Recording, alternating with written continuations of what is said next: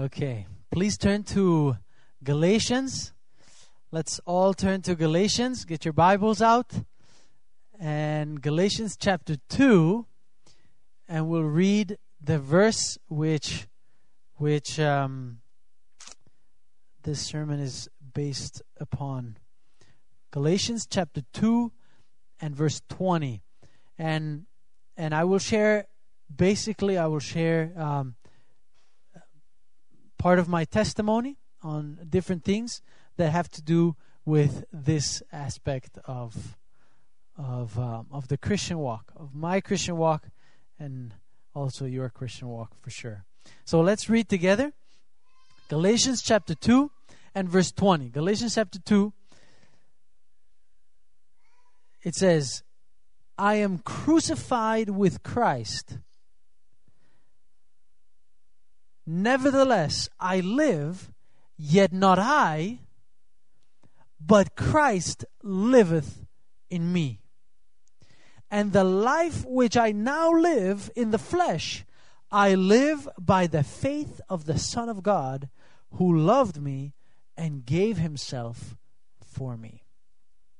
So, what does this mean? Can anybody tell me what does this mean that I'm crucified?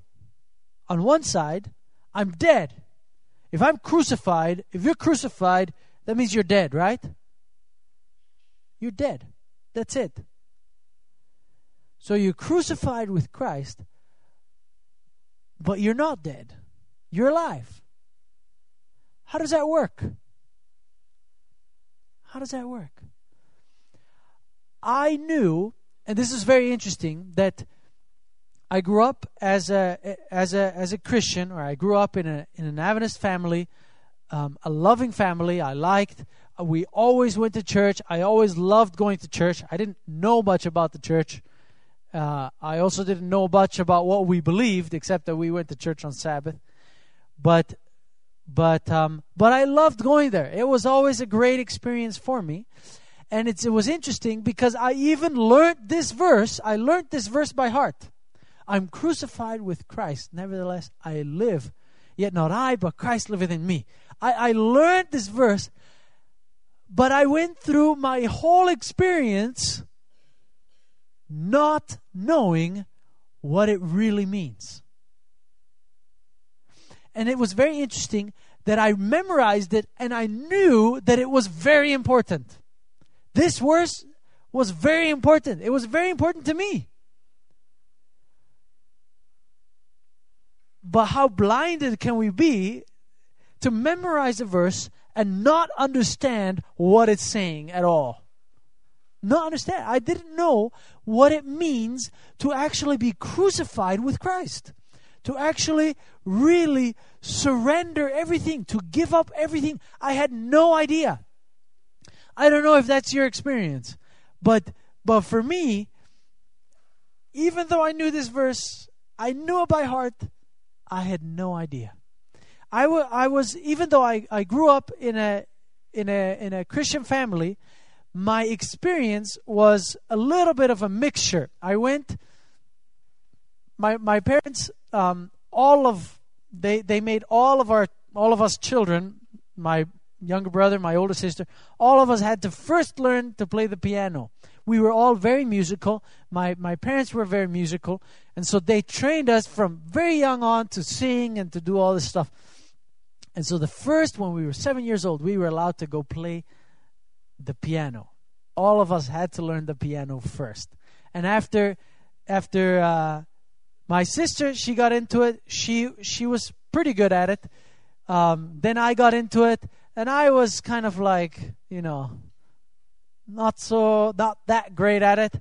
And then my sis, my brother, my little brother came, and he was very good at it. Okay, and so and so soon, two years, I only I only was able to do it after, in two years.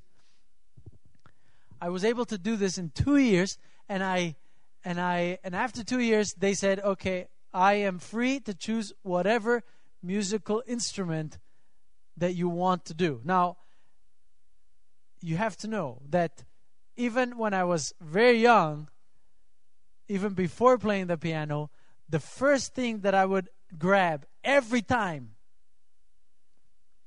was I would get the the the the, the trash can from my mom from the kitchen.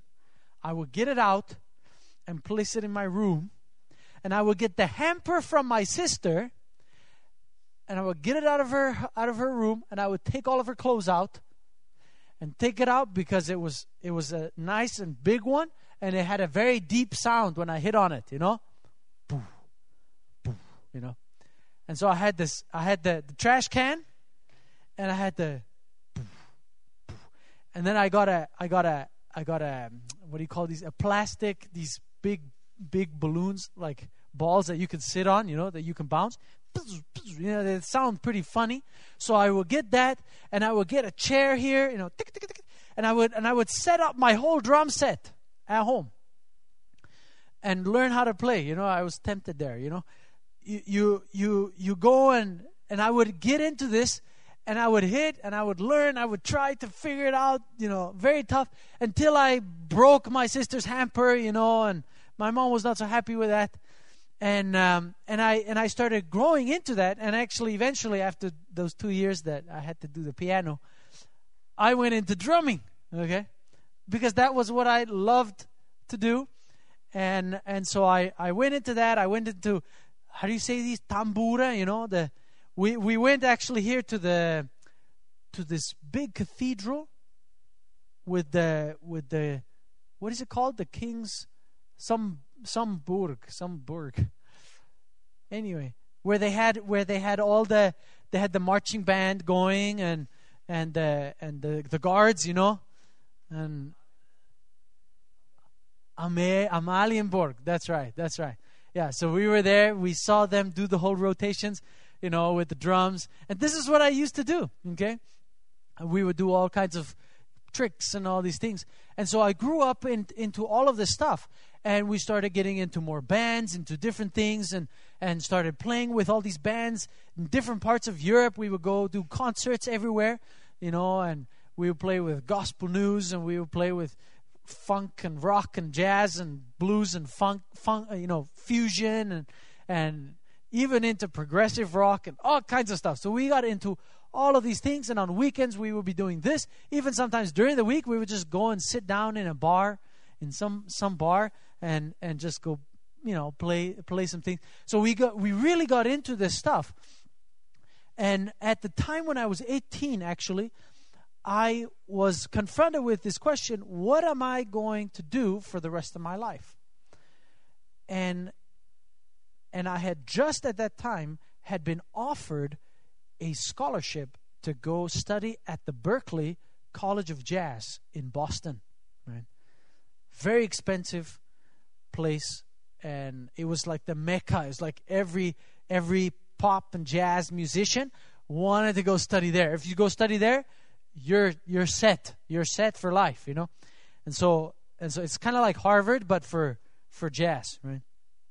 And so i wanted to i was thinking man you know i got this scholarship offered the lord opened the doors for that you know like you think you know?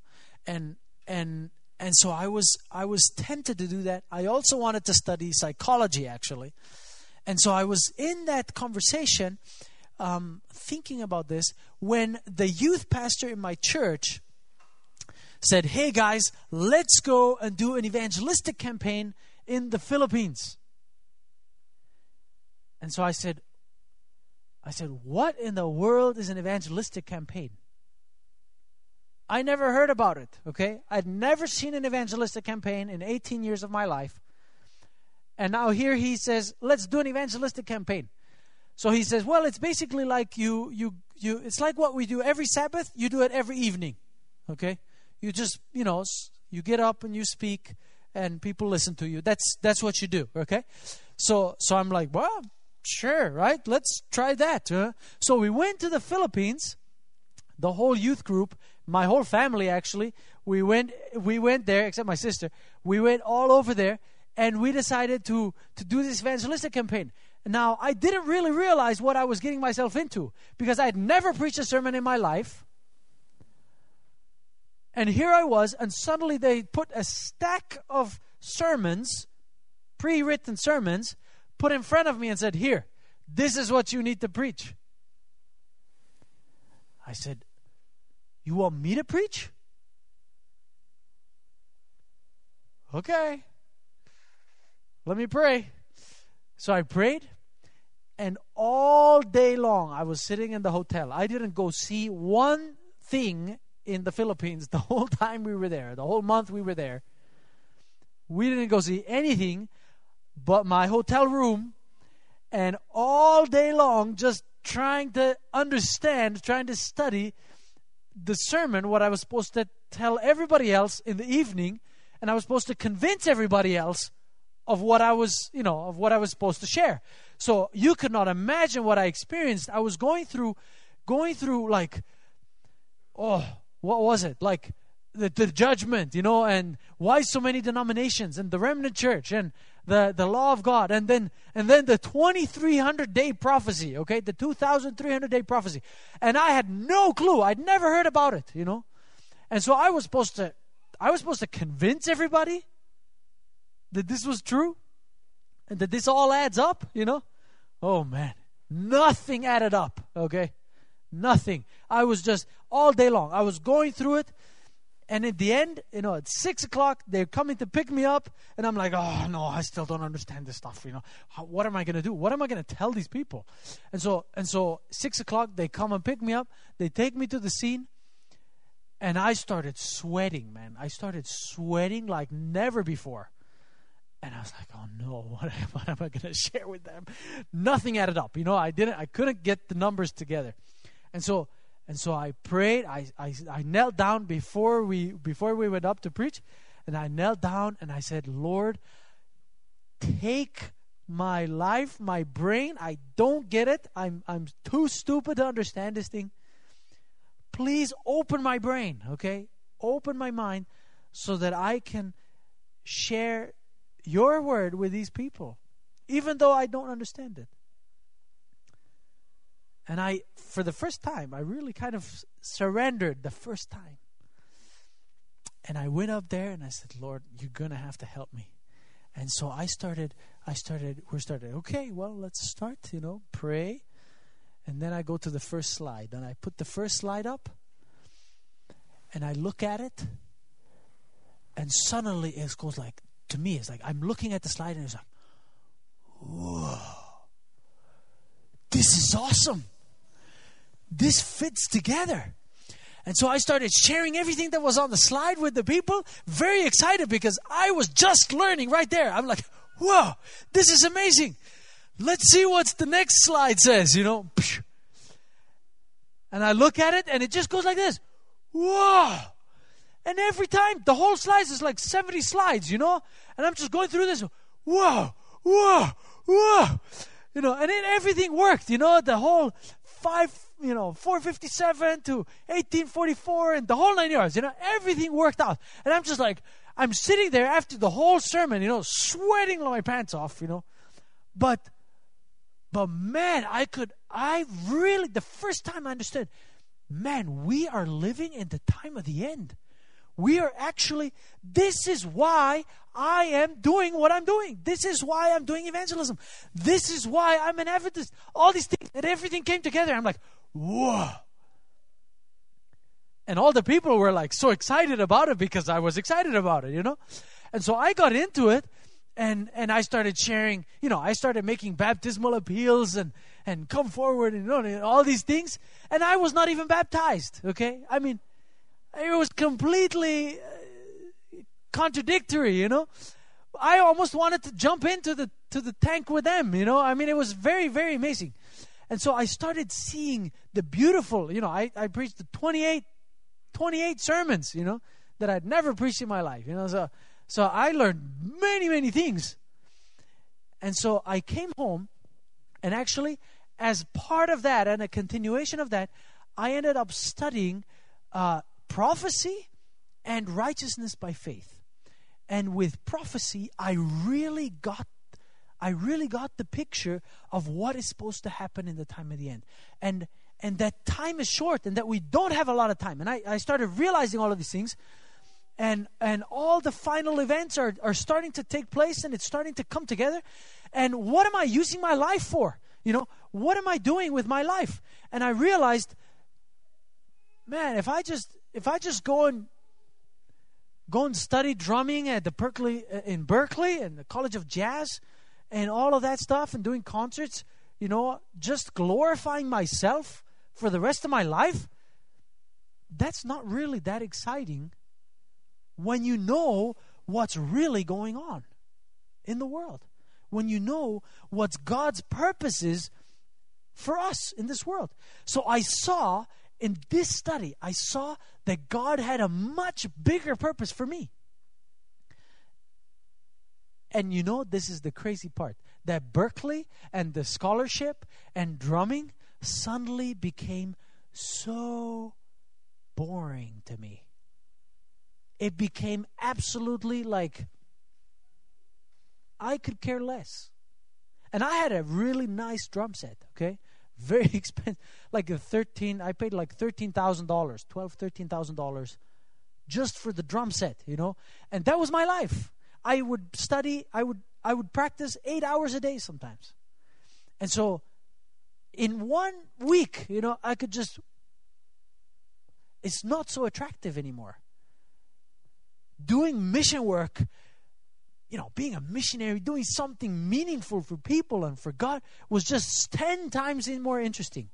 I said, let the, let the world do what, what, what they want to do. The boring stuff, the normal boring stuff that everybody else can do, let them do it, you know. We have a much more exciting thing to do, right? It's to advance the work of God.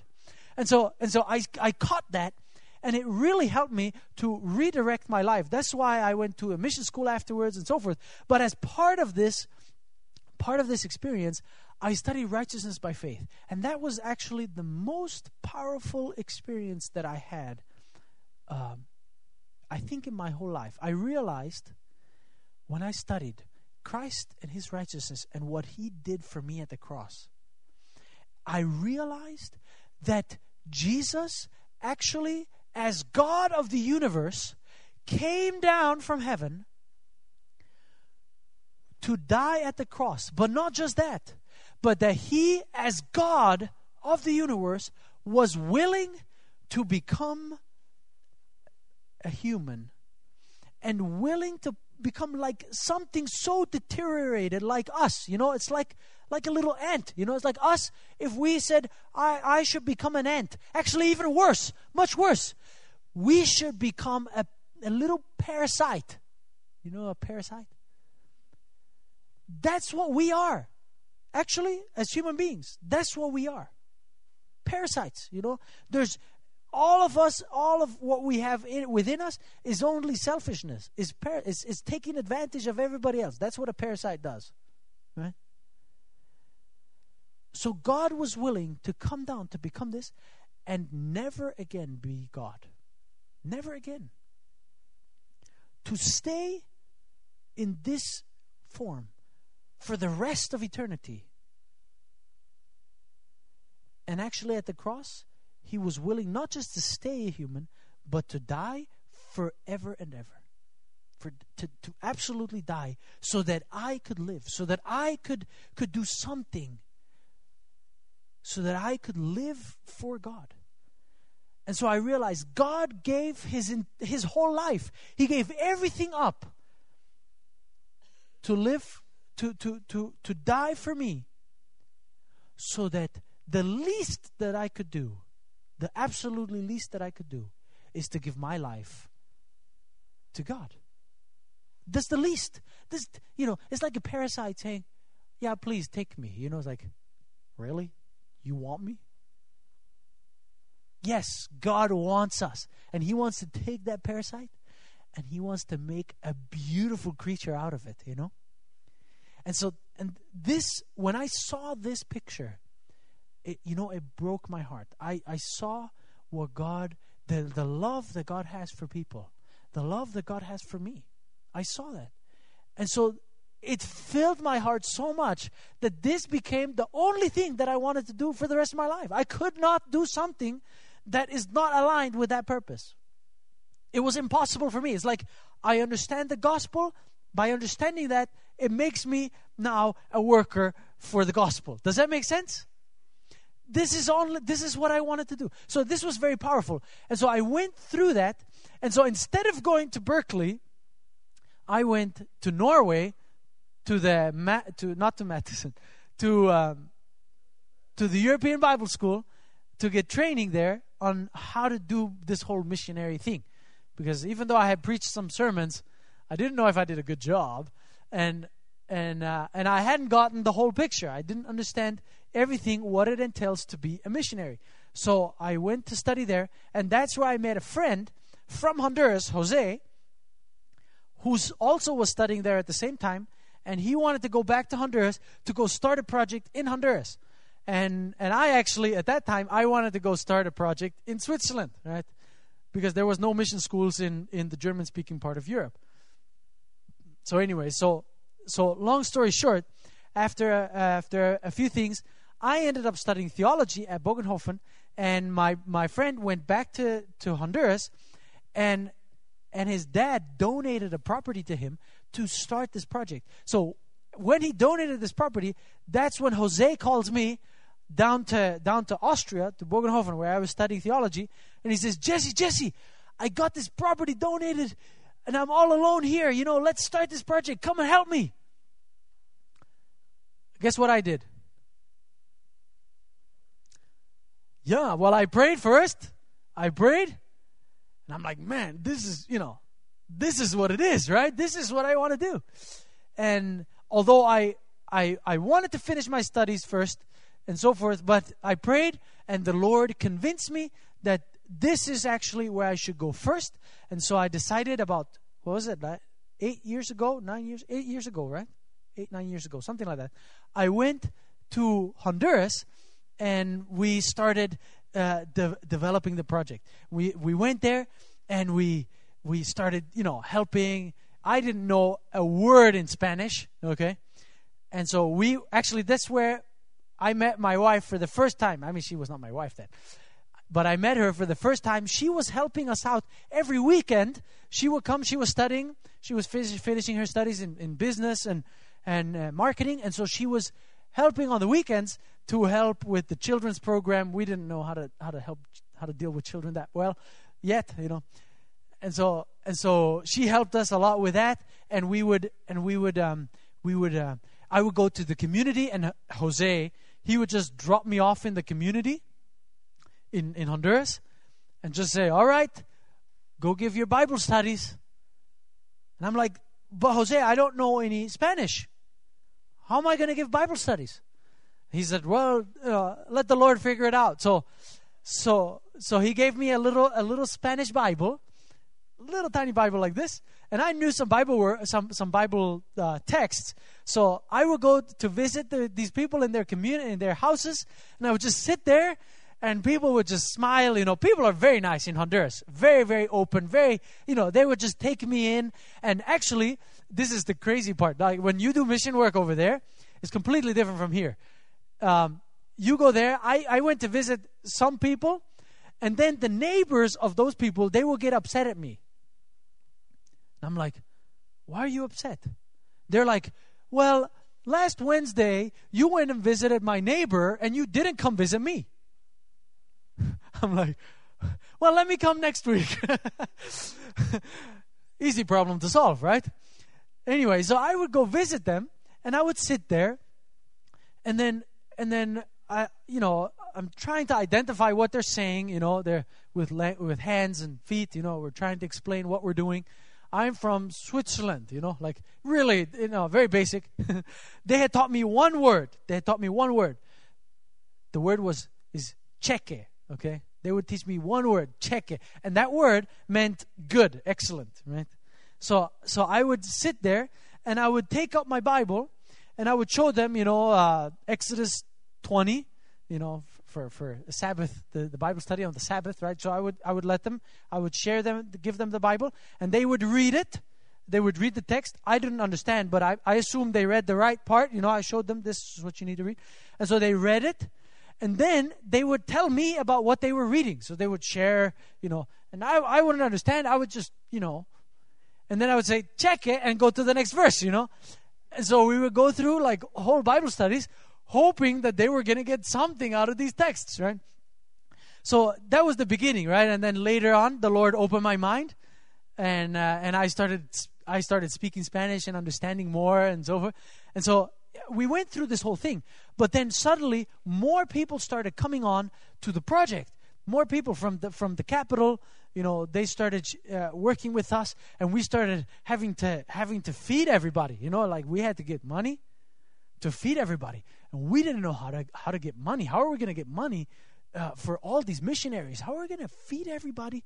And so we started praying we started praying and, and it was amazing actually since the beginning from the beginning for the for the first few years well first in the first few months we we had no idea how we were going to feed all these people suddenly we were like first we were like two or three and then we were seven eventually we became 25 people right now there's like 45 something like that and so so many many missionaries and we didn't know how to feed all these people so we prayed, we just prayed earnestly. You know, we didn't know how to make money.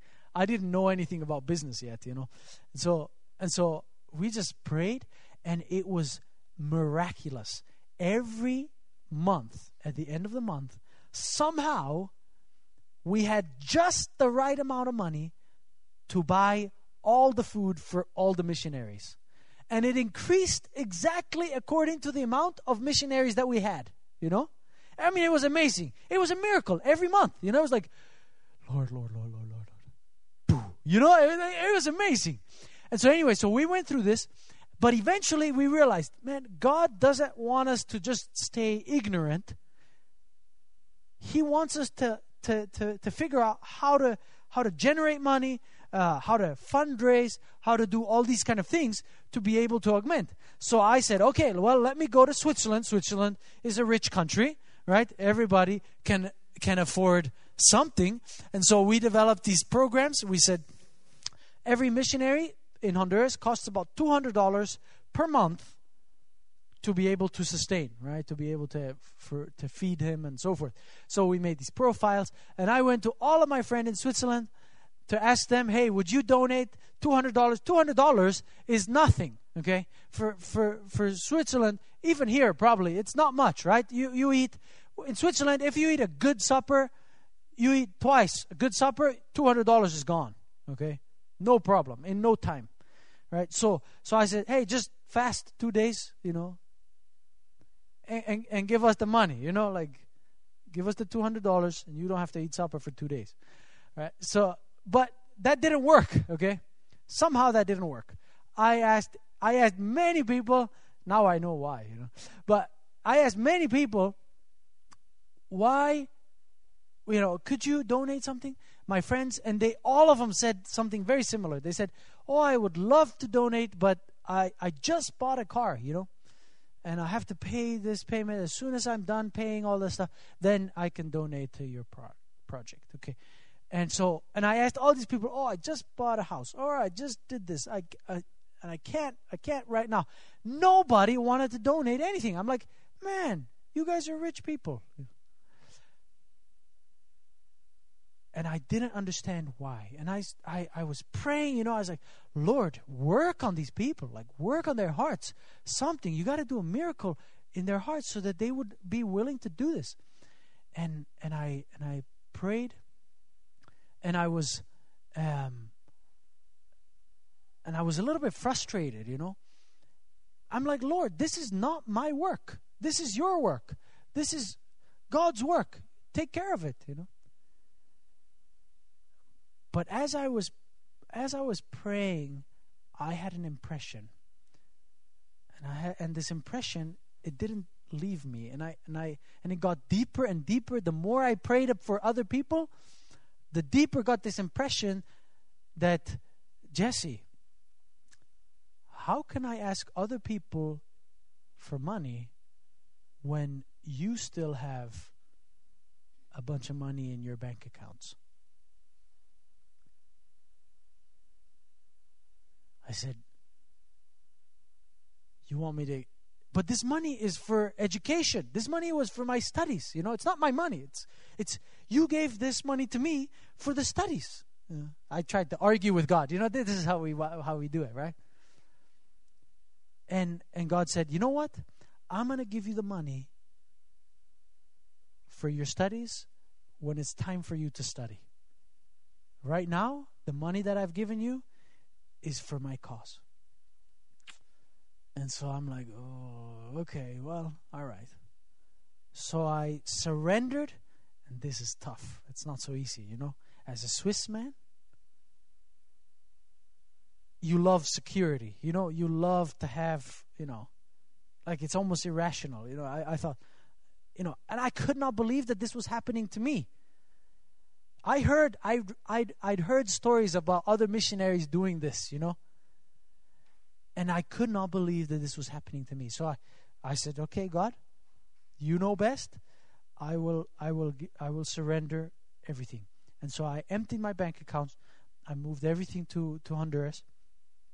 But I was like a little bit like depressed, you know, like a little bit like sad, you know, like man, you know, I just lost everything.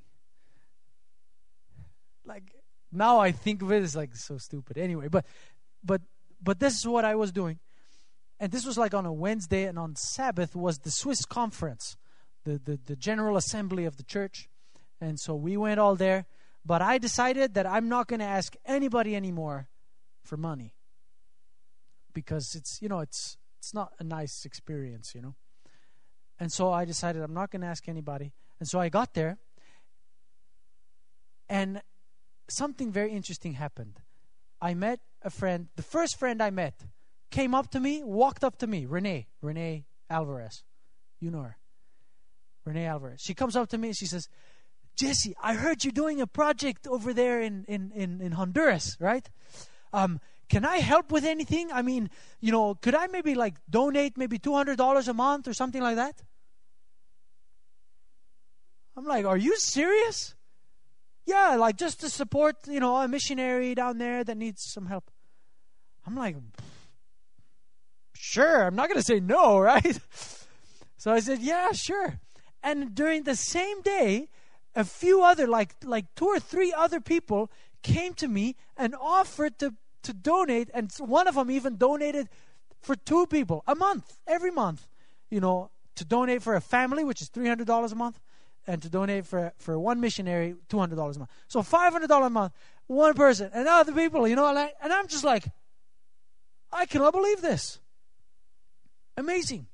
And so and so I was really, I got really excited about it. But what I realized afterwards was, I'm like, why did I not get that money beforehand? Why did I why did all of my friends before say no and now they're all saying yes? What do you think? Man, I realized the biggest obstacle in the work Who's that? It's me. Yeah. I realized I am actually the biggest obstacle in the work. Let me share with you a quote from Ellen White from the from The Desire of Ages, page 250. It's one of my favorite quotes. It says, He who loves Christ the most will do the greatest amount of good. He who loves Christ the most will do the greatest amount of good. So I believe Paul loved Christ a lot because he did the greatest amount of good that we know in the New Testament, right? Besides Jesus, obviously. He who loves Christ the most will do the greatest amount of good. And and I saw this in my life, you know, how much have I done? How much did I do for the God for God the, the 18 years of my life up to that point? Nothing, you know? Nothing. I only did it for myself. I only did concerts and had fun, you know? That's it. I love myself. But I didn't love God. He who loves Christ the most will do the greatest amount of good. And then the quote says, There is no limit to the usefulness of one who, by putting what? Putting self aside and makes room for the working of the Holy Spirit upon his heart and lives a life wholly consecrated to God. there is no limit to the usefulness of you, of me, of Per, of Henning, of all of us, of Lasse, right? There's no limit to the usefulness of all of us if we learn to put self aside. If we just learn to put self aside. So, the greatest and most important thing that I learned was conversion is a process. It's not a one time experience. It's not, I was converted 10 years ago. No. I was converted this morning. You know? It's a process. John 3, verse 30 says, He must increase, but I must decrease. Yeah, it's a process. It's a decreasing and God increasing process in my life. Yeah. So when it says, I am crucified with Christ, Paul also says, I, I am crucified daily, right? I crucify myself daily. I surrender my life. That's what it means. I surrender my life. I surrender my money. I surrender my everything that I have every day so that God can do something. Because there is no limit, you know. How many in, inhabitants does Copenhagen have? About. About 1 million people. There is no limit to the usefulness of, of Per, okay? So that means, do you believe that if Per or me or any of us would be fully surrendered to God, we would put self aside. It says there is no limit to what God can do. Can He convert all of, can He reach all of Copenhagen within a year?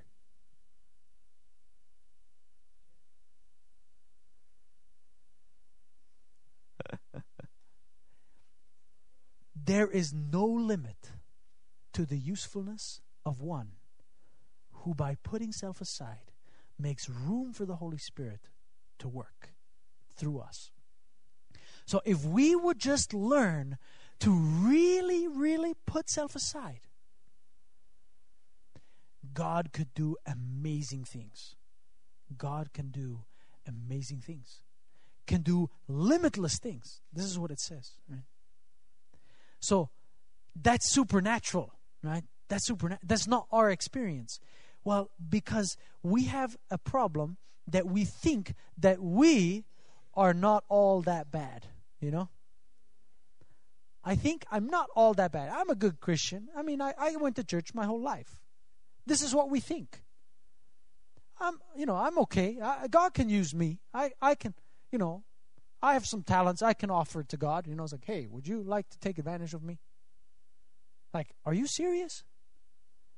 if we would realize that we are, that we're actually only parasites, it would be much easier for us to surrender. Did you know that? If our self concept was actually, I'm really not all that big. You know, if you study the whole universe, you see the whole universe, I'm not that big, right? I'm really not that important we see the, the, the, the, the smallness of who we are, it's much easier to say, Lord, take the little that I am, you know? I'm, I'm, I'm really only a parasite. You know what I mean? It's much easier. Let me share with you another quote from the Ministry of Healing, page 182. It says, Nothing is apparently more helpless, yet really more invincible than the soul that feels its nothingness that we're nothing, right? The, the soul that feels its nothingness and relies wholly on the merits of the Savior. Nothing is apparently more helpless. We seem helpless. But yet, really, more invincible. There's nothing that is more invincible than the soul that feels its nothingness. Than the soul, then if I realize that I am nothing, that I have nothing to offer God. I have nothing to offer God. God is the one that wants to offer us something. And He wants to give us an amazing life. And He wants to do something amazing with us, with all of us, right? And so I realized that the biggest challenge to advancement of mission work, to advancement of the cause of God, is that we think that we're something and we, we, we have a hard time surrendering. We have a hard time putting self aside. And you know, it's a growing process and you learn every time. And I, even doing mission work for the last 10 years, I'm still struggling with this, you know? Like, I wish I could say, man, this is over, you know? This is not it, you know? It's a struggling thing, and it's a continual decreasing and a continual increasing of the Holy Spirit. When we were um, a little bit further on in starting the project in Honduras, we were we had already started the church, and we were doing a, a few different things, and now we wanted to start the mission school. And so, for a mission school, we needed a dormitory, right? so, as we were doing this, uh, wanting to build this dormitory, we said, who can we get to come and build this dormitory for us? So we said, well, well, let's go to the America, go to the States, and ask some of our institutions, missionary institutions, to bring their academy students down to Honduras. We did this. We went to Laurelbrook, and we got 30 students that wanted to come down to build us the dormitory. Now, the problem was that we wanted them to bring the money as well, right?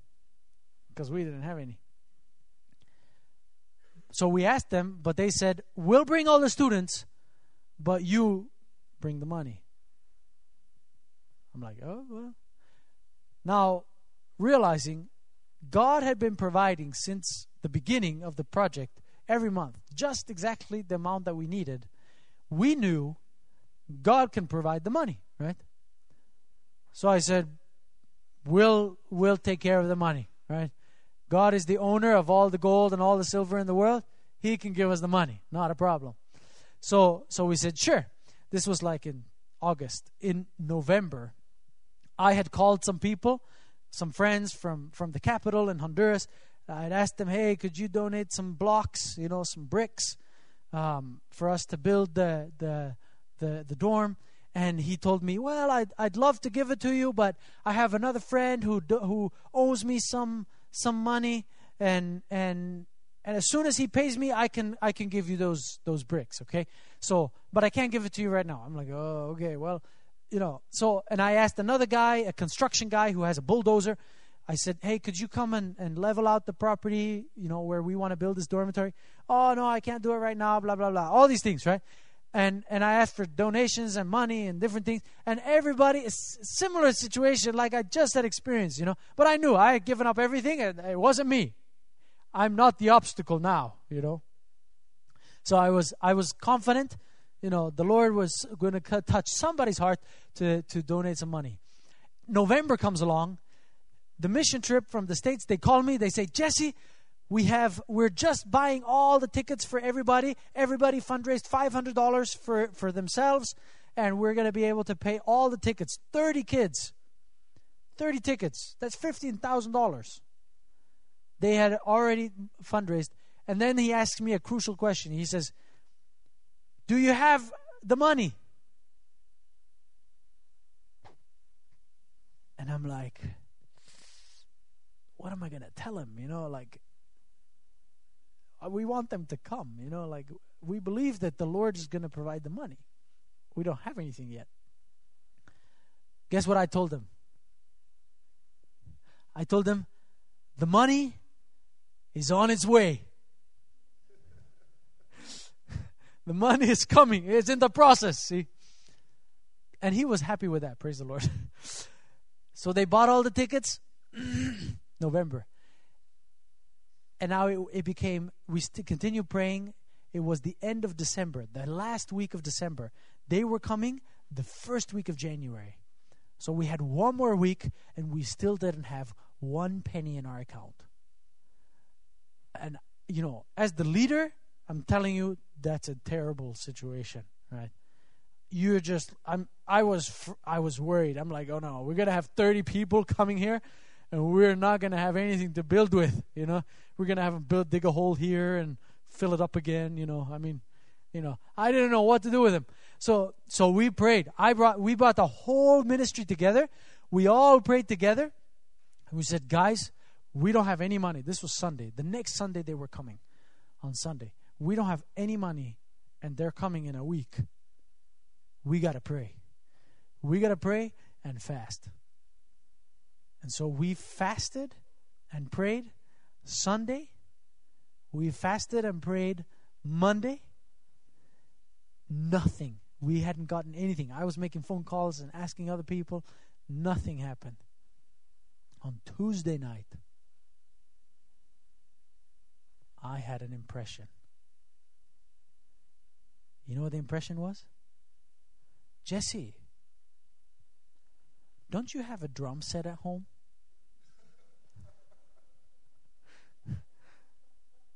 I cannot believe that thought, you know. I'm like, Lord, are you serious? My drum set. And I thought and I tried to reason with God again. I said, I said, this is impossible. If I go if I I would have to go to the capital city to get internet because we didn't have electricity out in the project. To get internet, to go right to my mom, tell my mom, hey, please sell put put the drum set out on sale. Somebody should buy it within, you know, a day, put the money on my account, and then send it over to Honduras, which takes another three days just for the transfer. And I'm like, this is impossible for us to get the money by Sunday. Impossible. And the Lord impressed me. He said, Jesse, just just do what I say. Just do what I say. It'll be fine. So I'm like, okay, whatever. So I, I Monday on, on Wednesday I go to Tegus. I go to the capital to Jose's house to get internet and I open my computer in his house and I go on Gmail, you know, to, to, to write to my mom. And as I open my email account, there's only one email there that is unread. And it was from my mom. And the title of the email said, Your drum set. I'm like, What? I didn't write that email yet. So I, I was very, uh, you know, disturbed, you know. So I opened the email and I read the email, and it's a very short email. You know, my mom writes to me. She says, "Hi, sweetie pie." You know, this is my mom. Hi, sweetie pie. Um, you know, I, I just thought that since you're a missionary now, I thought you were not going to use the drum set. So I just went ahead and I sold it, and I put all the money on your Honduran account. I hope that's okay with you. Love you, honey, mommy. That's it. I could not believe it. So I was in Tegus already. So all I did was I actually went to the bank and I got all the money out. We were able to get all the all the all the concrete and all the materials, everything that we needed. We were able to buy right then. And the same day, the guy with the bricks calls me and tells me, "Hey, the guy that owed me some money, he he um, he gave me already all the money, and and uh, and I already loaded a whole truck with all the bricks, um, and it's on your it's on the way out out to your property, out to your project." I'm like, "Whoa, praise the Lord!" You know. And then the next day, I think it was, he said, uh, my my other friend calls me with the bulldozer, and he says, "Jesse." Um, I got some work a little bit further uh, uh, past your project on Sunday. You know, if if you're there on Sunday, I can just pass by and level your place and then continue if you just put the gas into the into the machine. I'm like, yeah, sure. No problem. So he came, he actually did it on Sunday, and everything. And somebody from the States donated another $5,000 and, and so forth. And it just, everything just blah, blah, blah, blah, blah, took place. And we were able to, to get the, the dormitory up and running to start the mission school the next month on in February. It was it was amazing. But thinking about the whole thing, what did I learn? What do you think? What was the biggest obstacle for God to be able to pour out his blessings to upon us? What do you think?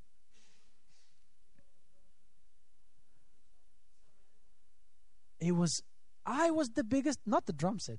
I was the biggest obstacle, right? I was the biggest obstacle. And so I needed to learn. And it's a process. I needed to learn to surrender more and more of my life so that God can start doing miracles. And I'm telling you, if you do that in your life, God will do miracles in your life such as you have never witnessed. You've never seen anything like it. And it's really amazing. It's been an amazing experience of ups and downs, you know, and it's not easy. To surrender self is not always easy. But this verse has become a reality to me. Galatians 2, verse 20, has become a reality for me. Every day, I, I, I pray that God can do this miracle in my life. I am crucified with Christ. Nevertheless, I live, yet not I, but Christ lives in me. When Christ lives in you and Christ lives in me, there's no limit to what can happen here in Copenhagen and in your life and in your family and wherever you are. So, I want to encourage all of you.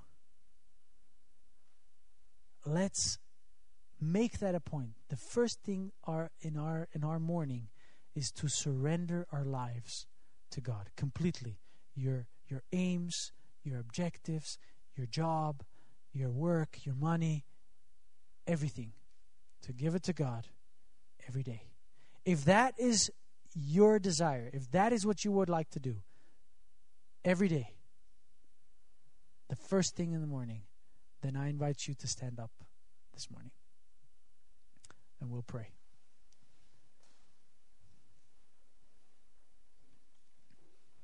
Amen. Amen. Let's pray. Dear Father in heaven, Lord, we thank you so, so much for what you have done for us at the cross, that you have given your whole life for us.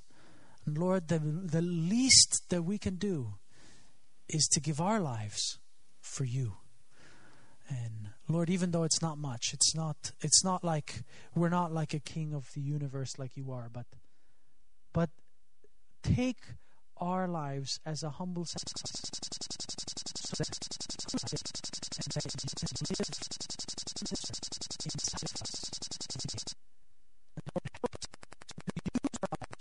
for the good of the people around us. Help us to use it for something meaningful. And Lord, we thank you for this. We thank you for that miracle that you that you want to perform in us every day. Help us to make this a priority in our lives. In Jesus' name we pray. Amen.